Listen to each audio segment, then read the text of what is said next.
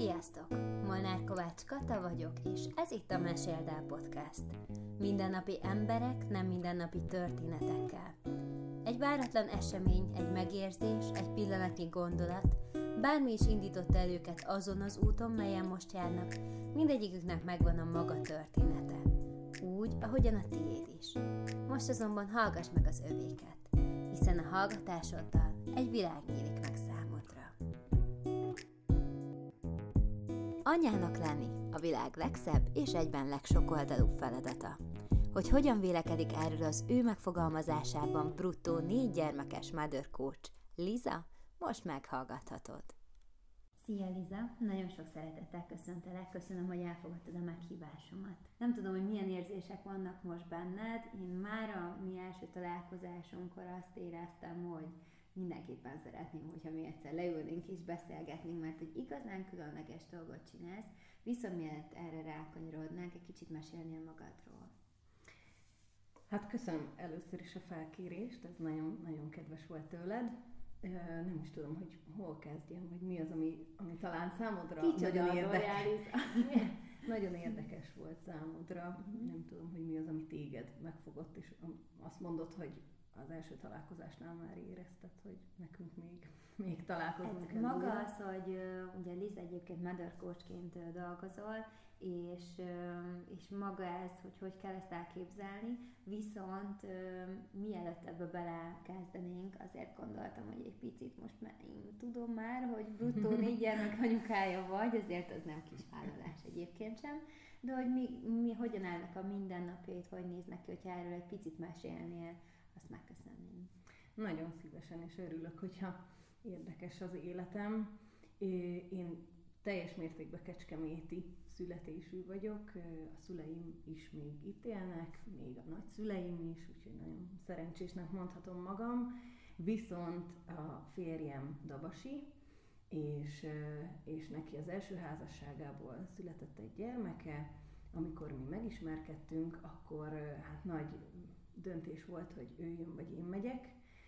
Viszont mivel közös felügyelet alatt volt már akkor is a gyermek, így, így neki nem volt választása, és akkor én döntöttem úgy, hogy ha akarom ezt a férfit, akkor megyek utána. akkor mész És, és így költöztem Dabasra, azóta ott élünk, ennek most már 7 éve, és igen, bruttóban négy gyermeket nevelünk, ugye az ő, vagy hát Mondhatom, hogy közös már, mert közösen neveljük az ő elsőszülött gyermekét is, illetve a három közös gyermekünket is.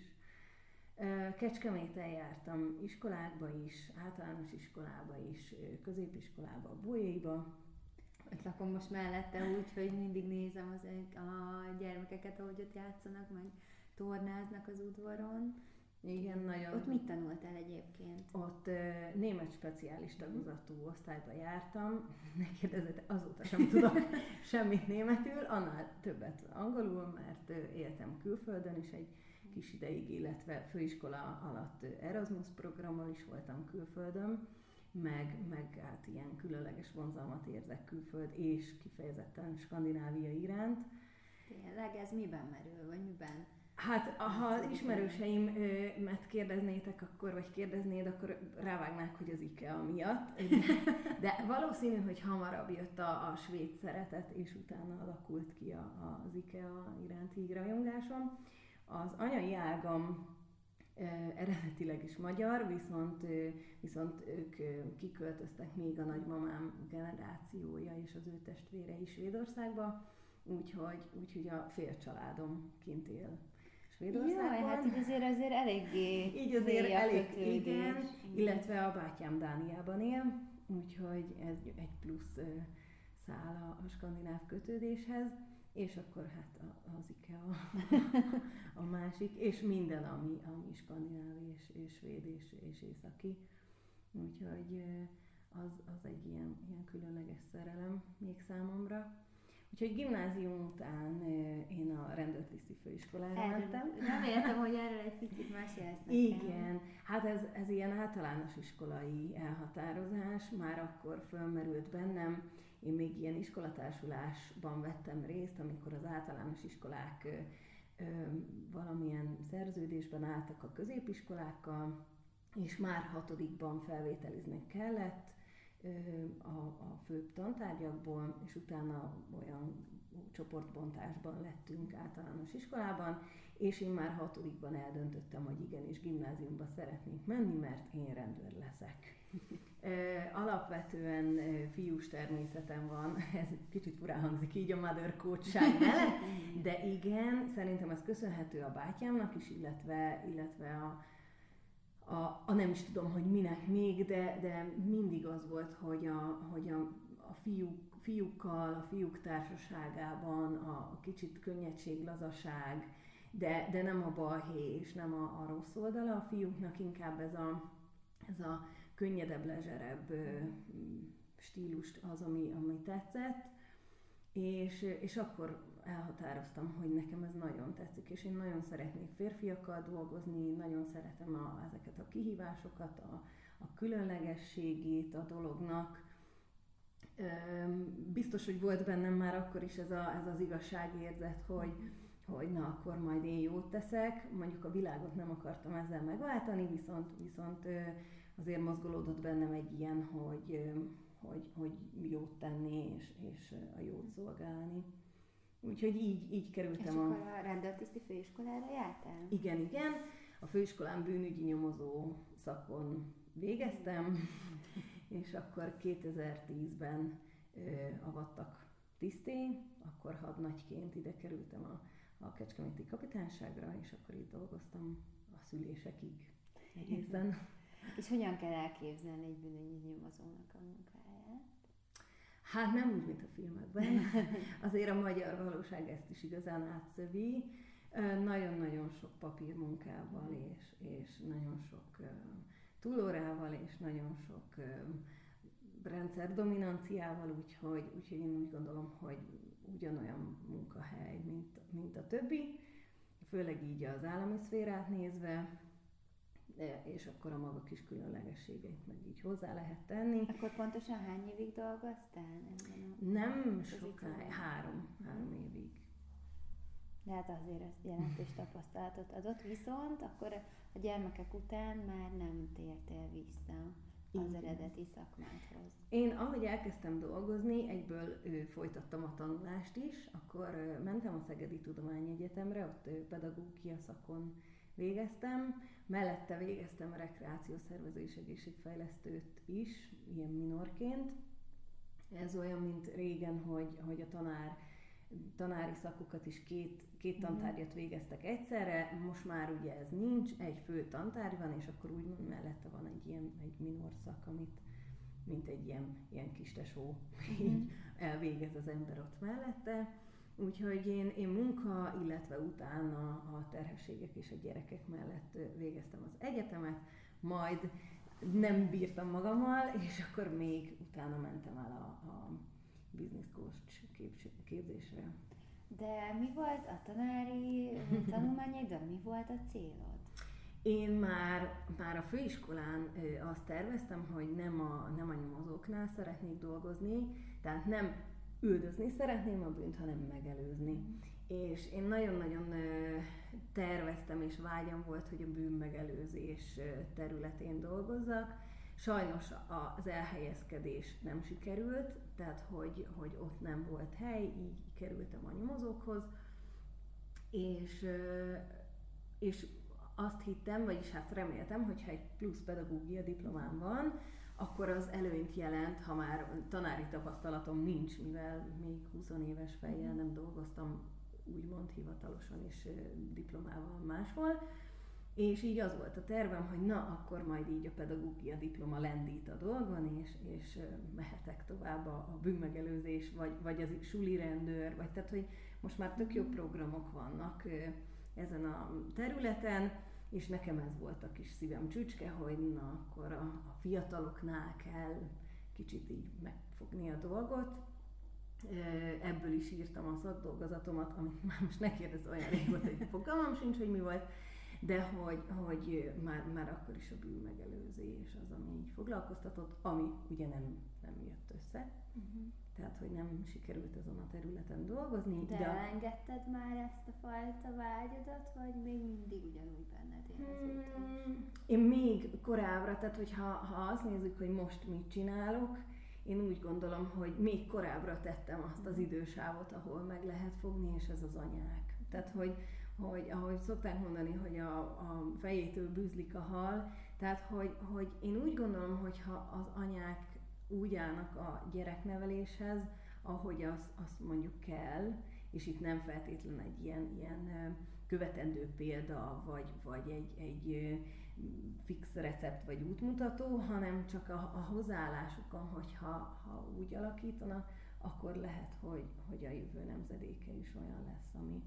ami talán kevésbé kellene, hogy arra a, abba az irányba menjenek a fiatalok, ahova mondjuk most tartanak.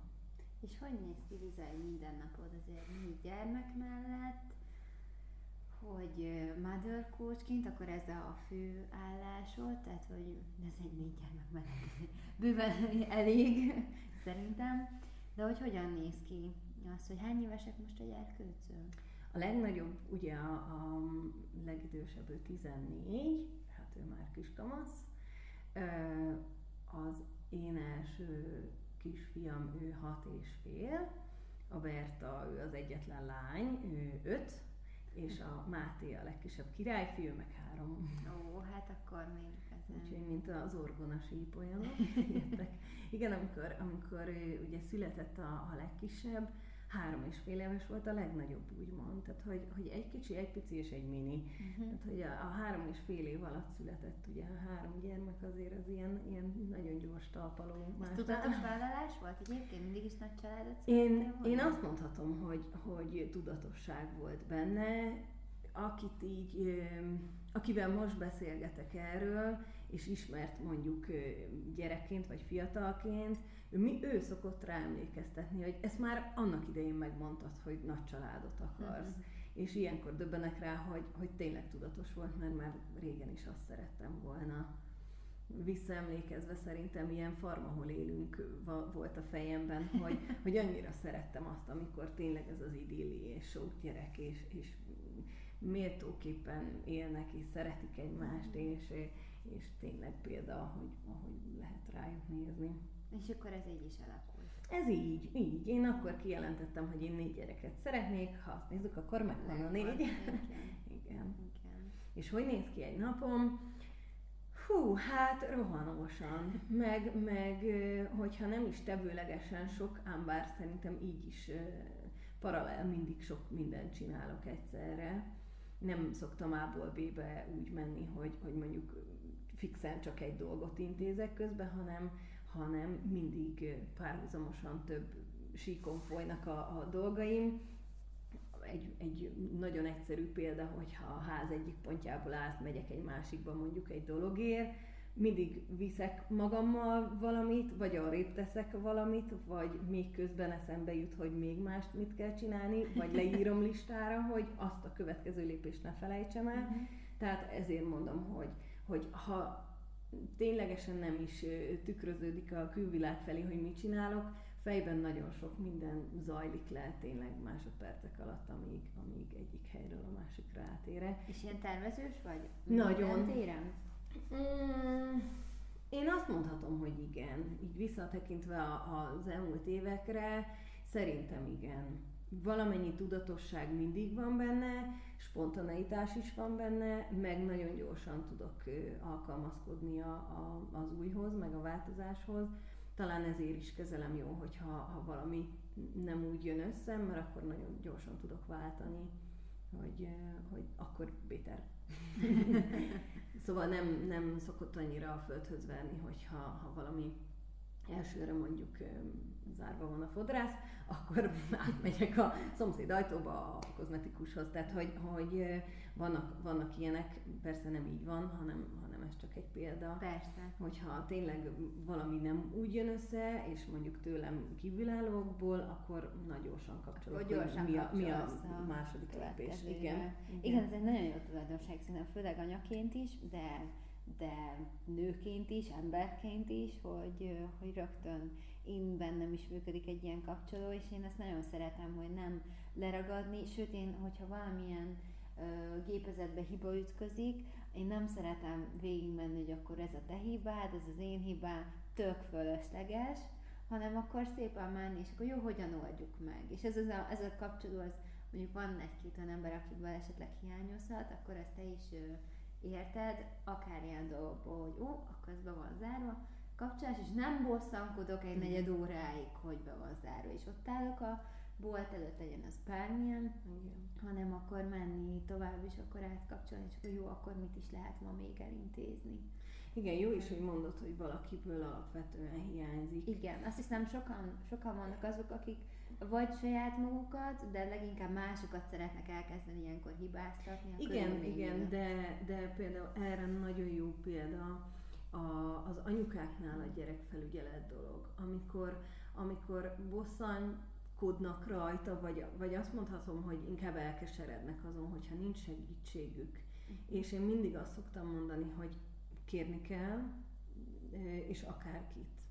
Tehát, hogy olyan emberek tudnak nekünk a környezetünkbe segíteni, akikre nem is gondolnak. Uh-huh. Akár, egy, akár egy óvodai ö, csoporttárs anyukája, vagy a szomszéd, vagy a vagy tényleg bárki, vagy akár fizetősen is. Tehát, hogy, uh-huh. hogy a mai világban már azért nem egy ilyen ördögtől való dolog babysittert fizetni, mert ha máshogy nem tudja megoldani az ember, akkor igenis így. És ez, ez egy, ez egy nagyon-nagyon jó lehetőség arra, hogy ha, ha nincs az embernek ott mellette a szülő, nagyszülő, testvér, keresztszülő, bárki, akire azt mondhatnám, hogy, hogy mivel vérszerinti, vagy mert családtag, ezért úgymond kötelessége, vagy elvárható tőle az, hogy, hogy segítsem, akkor igenis kérjünk meg valakit. Te kit szoktál Hát én, én azt mondhatom, hogy ebben a helyzetben is szerencsés vagyok.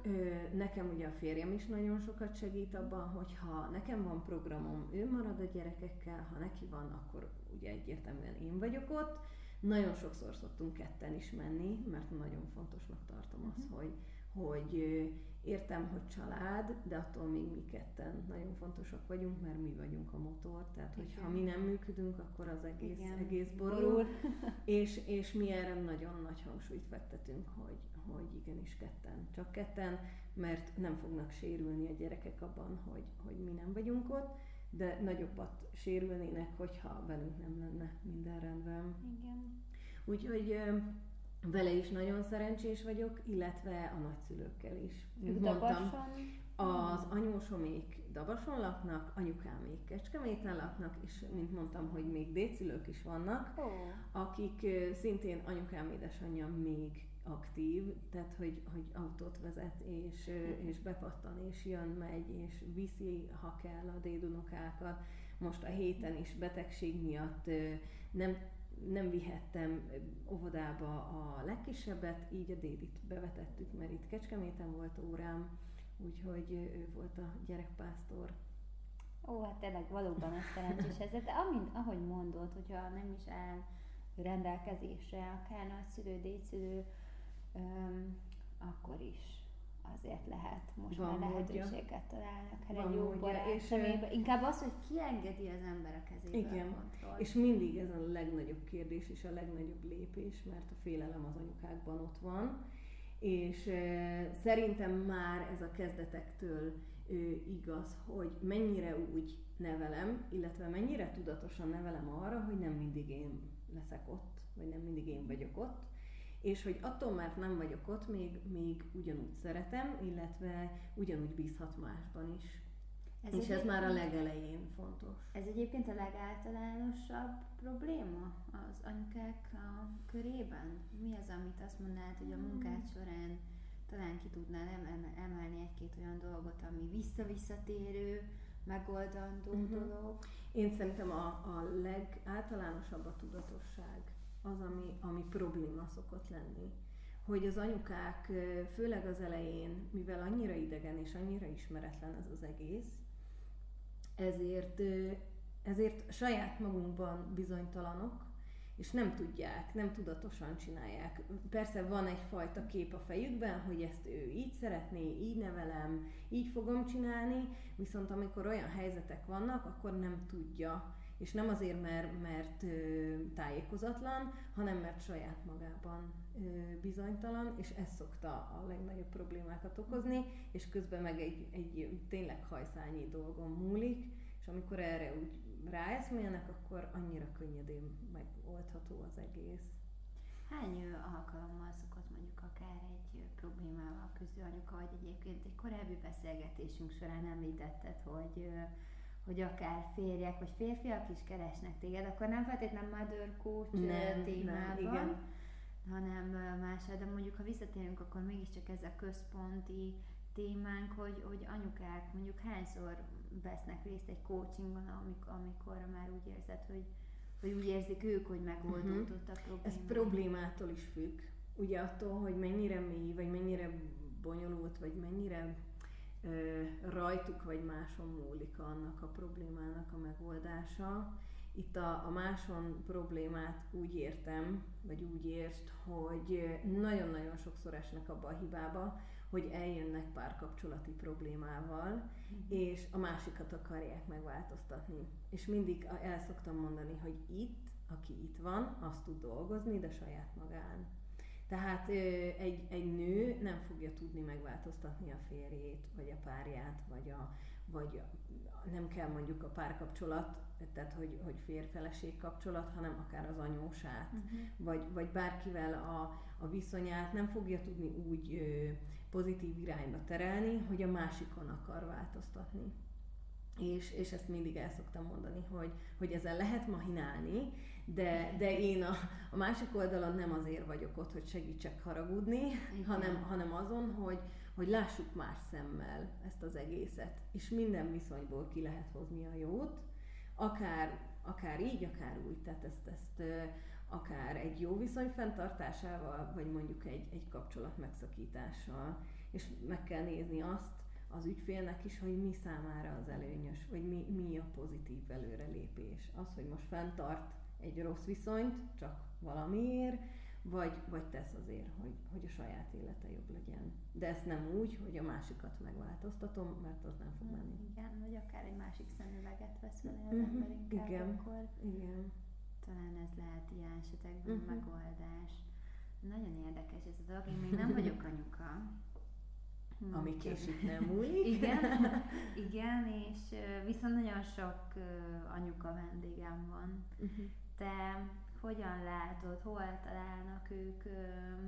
Én azt veszem észre, hogy nagyon nehéz kikapcsolódást találniuk, kicsit elszakadniuk, pláne, hogyha nincs támogatás, uh-huh. ez még nehezebb.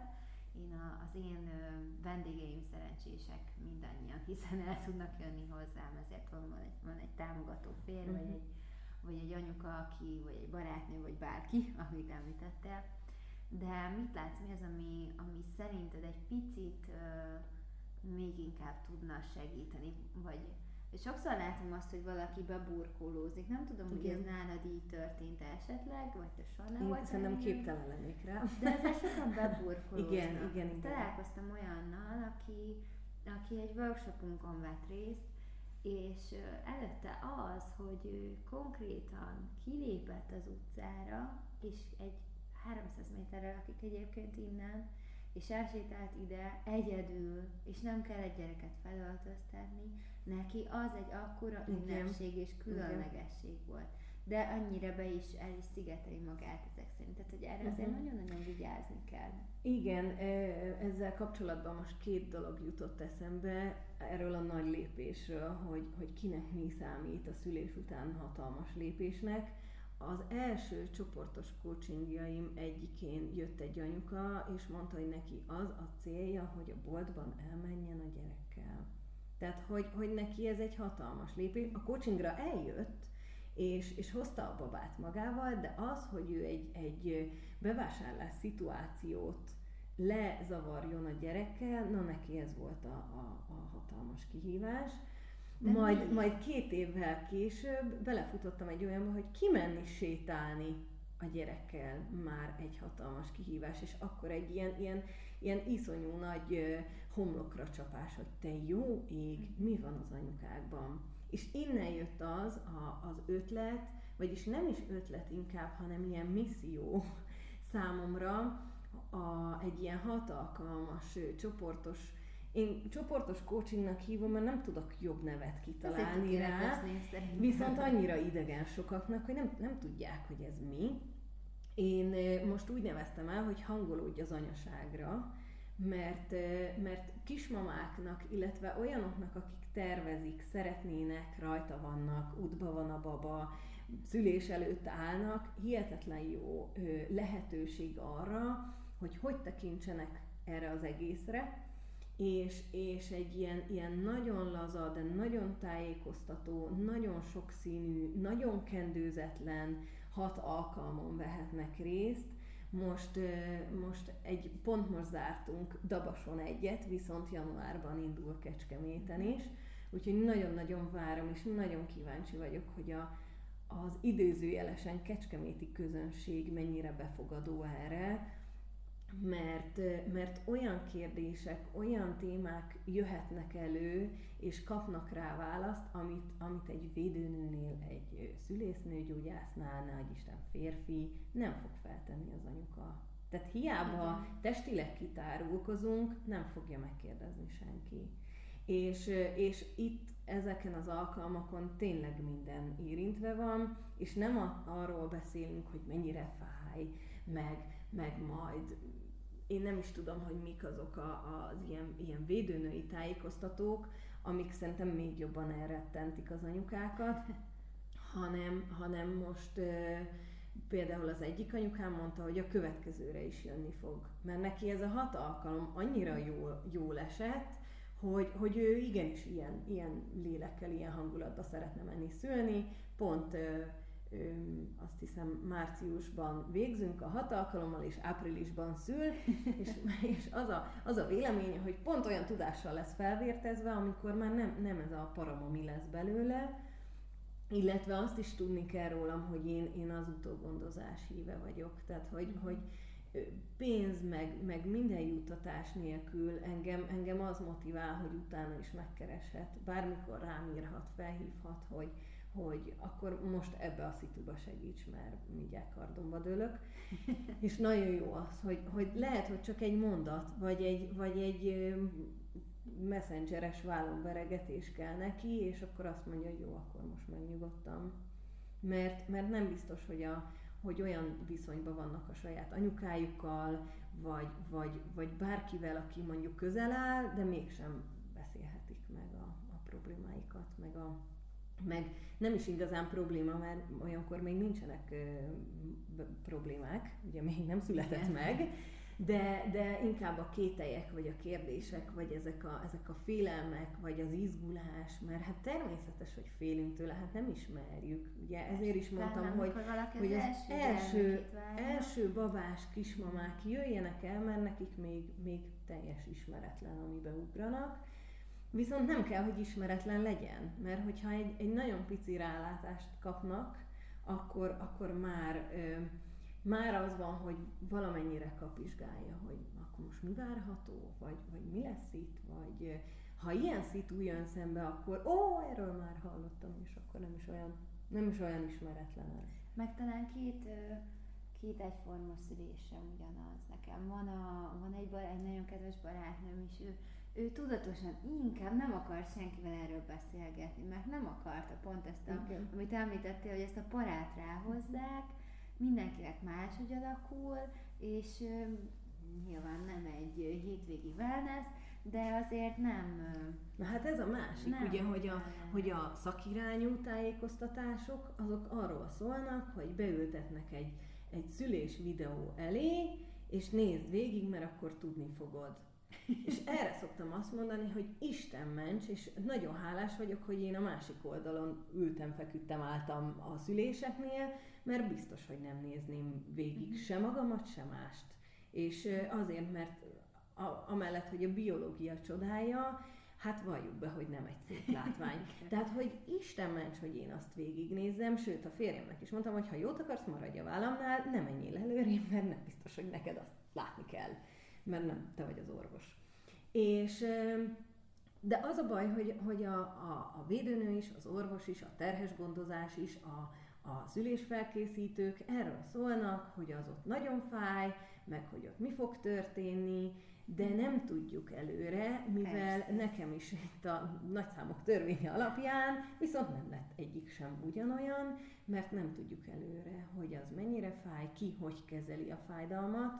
Ugye nem ugyanabban a, nem ugyanolyan korúan szülünk, tehát más egy 20 évesen, 30-40 évesen szülni, mindent máshogy éljük meg, ez függ a gyerektől is, meg, meg nagyon sok mindentől, és ezért nem lehet előre megmondani, hogy az, az hogy fog zajlani, meg hogy mi lesz. Viszont arra felkészíthetjük az anyukát, hogy saját maga ismeretében fel tud arra készülni, hogy bizonyos szituációkat hogyan kezeljen.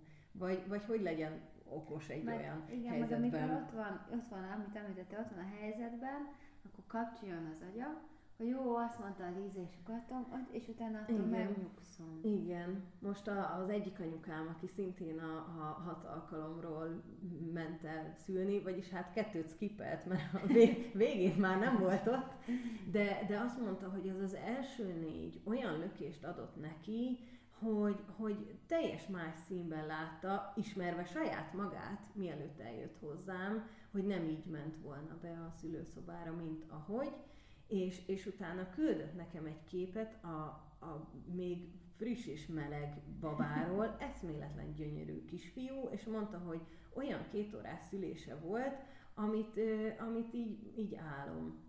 És nem azért mondom, mert lehet, hogy vajúdott előtte, viszont nem arra emlékszik vissza, mert elmondtam, hogy, hogy lehet így is vajudni, meg amúgy is vajudni, hogy hogy fogjuk fel azt a vajudás részét is, illetve az, hogy, hogy hogyan át hozzá az egészhez, hogy lehet így is szülni, meg lehet nagyon kinkeservesen és, és világvégét kiáltva, és nagyon-nagyon pozitív élménnyel, és ő, ő véleményezte így, hogy, hogy legalább egy névjegykártya szinten csak juss be a, a, a kórházakba, mert nagyon kell, hogy, hogy ha más nem virtuálisan fogd valakinek a kezét, mert, mert nagyon sok, nem is az, hogy elhagyatott ember van, mert, mert nagyon kevés olyan ember van, hogy senki sincs, de, de mégis olyan, akinek úgy szívesen megfogná a kezét, olyan kevés van, és hogy legyen, akit mondjuk fölhív, vagy, vagy keres és segítséget kér. Hogyan találnak meg téged egyébként? Hát nehezen. pedig, pedig azt szoktam mondani, hogy nagyon könnyen elérhető vagyok. Én abba bízom, hogy most már egyre, egyre könnyebben, Hát ezzel a podcasttel is egy picit. Nagyon, nagyon szeretném, mert, mert tényleg nem, nem az munkálódik bennem, és soha nem is az volt, hogy, hogy én, én majd ilyen nagyra törő vágyakkal és, és celeb leszek, és nem tudom, hogy a, a, hol fogok fent forogni, hanem, hanem az, hogy, hogy igenis egy mencsvár lehessek, vagy egy, vagy egy kapaszkodó, egy támpont, egy, egy nem tudom micsoda, hogy akire tényleg támaszkodni lehet, vagy kérdezni lehet, és, és nincs tabú, és bármikor segítséget lehet kérni. Múltkor futottam bele pont egy ilyenbe, hogy, hogy ha, ha valakinek kérdése vagy segítségre van szüksége, akkor szóljon, és egy ilyen valami angol nyelvű illető írt rám, hogy neki 200 ezer dollárra lenne szüksége, és hogy, hogy jó lenne, ha segítenék, és nem tudtam okosan válaszolni. Azt mondta a férjem, hogy na hát ez az, amit engedj el, ez az, amit dilit. Tehát nem ilyen segítség, hanem az, hogy tényleg a, a, az, hogy a saját magunkba vetett hit, meg, a, meg a, az, hogy érezzük az erőt, mert mindenkibe benne van, csak kérdés, hogy hogy hozzuk ki, meg mire használjuk fel. Mi, Liza, a te életed eszenciája, mottója? Mi az, amit szerintem el, összefoglaltad egyébként hosszan, de mi, mi az, amivel egy picit mégiscsak úgy, úgy azt mondanád, hogy ez, ez az én, ez az én mondatom, ami... Hú, hát most így, ahogy, ahogy alakultak a, az elmúlt években a, a, nem is tudom, a személyes brand, ahogy kezd kialakulni, mint ez a Mother Coach is, indult ezzel. Van egyébként más mother coach is itt Magyarországon? Én nem tudok róla. Én nem tudok róla, ezért is mertem Magát ezt így, így felvállalni. Ezt én ez kitaláltam végül is. Akkor jött ez igazán, amikor szóltak, hogy mennyire hülye vagy, miért nem mész az Instára, hát ha ott jobban felfuttatod magad, és azért valljuk be az eléggé angol nyelvű, meg külföldi nyelvű platform, ezért gondoltam azt, hogy na akkor egy ilyen mother coach kifejezéssel, hát ha előrébb mhm. jutok a keresőlistán, és, de én meg se néztem, és úgy vagyok vele, hogy nem is nagyon érdekel, mert, mert ha valaki akar, akkor elmegy máshoz, vagy, vagy pont ezért jön hozzám, így, így tudják, hogy ez, ez most mi. Amikor én, én elmentem a, a coach képzésre, akkor még, még a rendőrséghez kapcsolódtam, és, és lélekben oda is akartam húzni, meg oda akartam visszamenni, és szintén egy ilyen, ilyen igazságosztó szerepbe, hogy na majd én a rendőrségen belül jól megkócsolok mindenkit, meg hogy majd ott teret nyer a coaching, és tök jó lesz, de aztán végül nem, nem így alakult, hogy én, én oda mentem vissza, és, a, jól. És akkor, akkor kellett ö, dönteni, hogy na akkor milyen irányba. Mert igazán akkor találja meg az ember a, a saját célközönségét, ha tudja, hogy, hogy, hogy kiket is, kikkel is szeretne együtt dolgozni. Úgyhogy a motorra visszatérve, én régen azt mondtam, hogy a, hogy a gyereknevelés egy extrém sport, amihez nem kell védőeszköz, de azért, vagy nem kell előképzettség, de egy jó védőeszköz azért életet menthet. Így, hogy anyákkal, anyákkal foglalkozom, azt szoktam mondani, hogy vagyis ez egy idézet a kedvenc svéd könyvemből. hogy visszacsatoljunk a beszélgetésre. Igen, hogy ilyen keretes szerkezete legyen a dolognak. Vettem direkt egy ilyen ilyen az a címe, hogy Fika, ami ugye magyarul elég hülyén hangzik, viszont a, a svédeknél ezt a kávézás és mellé sütizés élményét, és egy ilyen kicsit ilyen slow érzést ad. Ö, abban a könyvben olvastam ezt, hogy minden sikeres nő mögött tetemes mennyiségű kávé áll. Na hát ezt biztosíthatom, illetve ezt, ezt garantálom, hogy engem is szerintem félig az, az tart életben. Ám bár a koffein nincs rám semmilyen hatása, sőt, én nagyon-nagyon jól tudok aludni kávé után Úgyhogy szerintem az már csak Maga inkább ilyen életérzés. Igen, igen olyan placebo hatású, hogy na reggel megiszok két teljes kávét, és akkor biztos attól pörgök. Nem hiszem. Tehát, hogy szerintem ugyanúgy pörögnék, sőt a tejtermék nem annyira jót tesz nekem.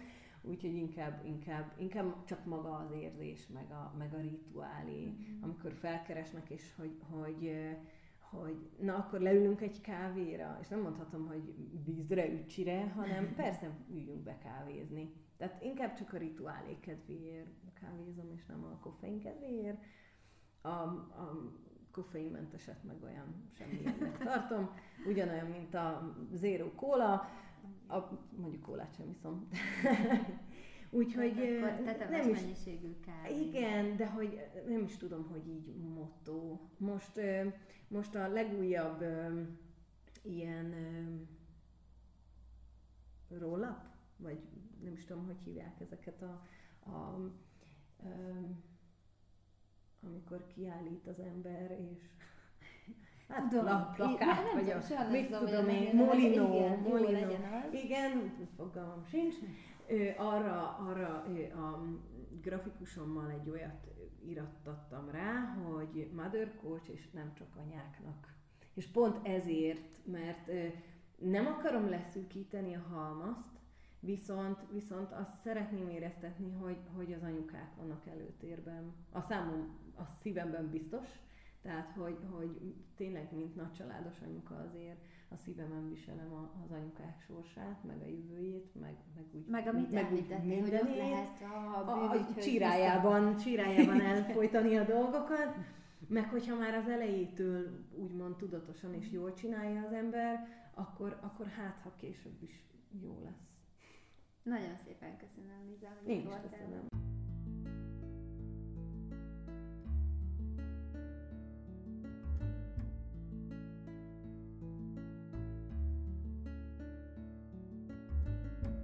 Bízom abban, hogy számodra is érdekes és értékes információkkal gazdagodtál.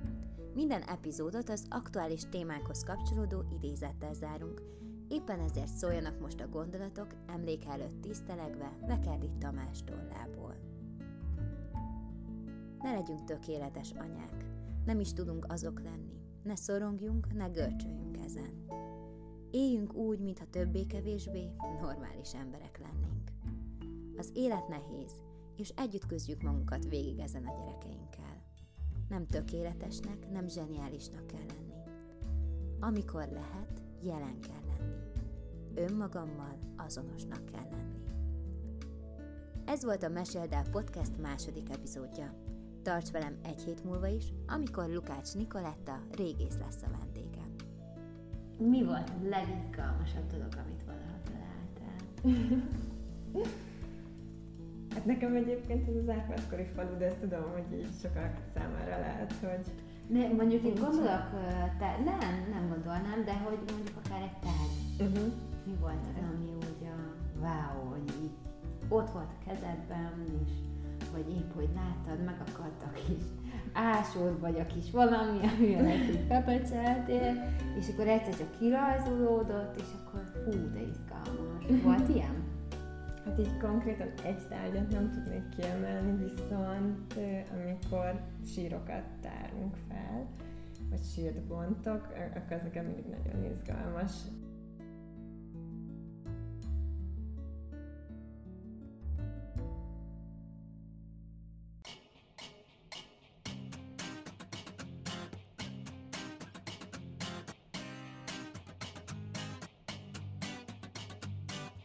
Köszönöm, hogy velem tartottál.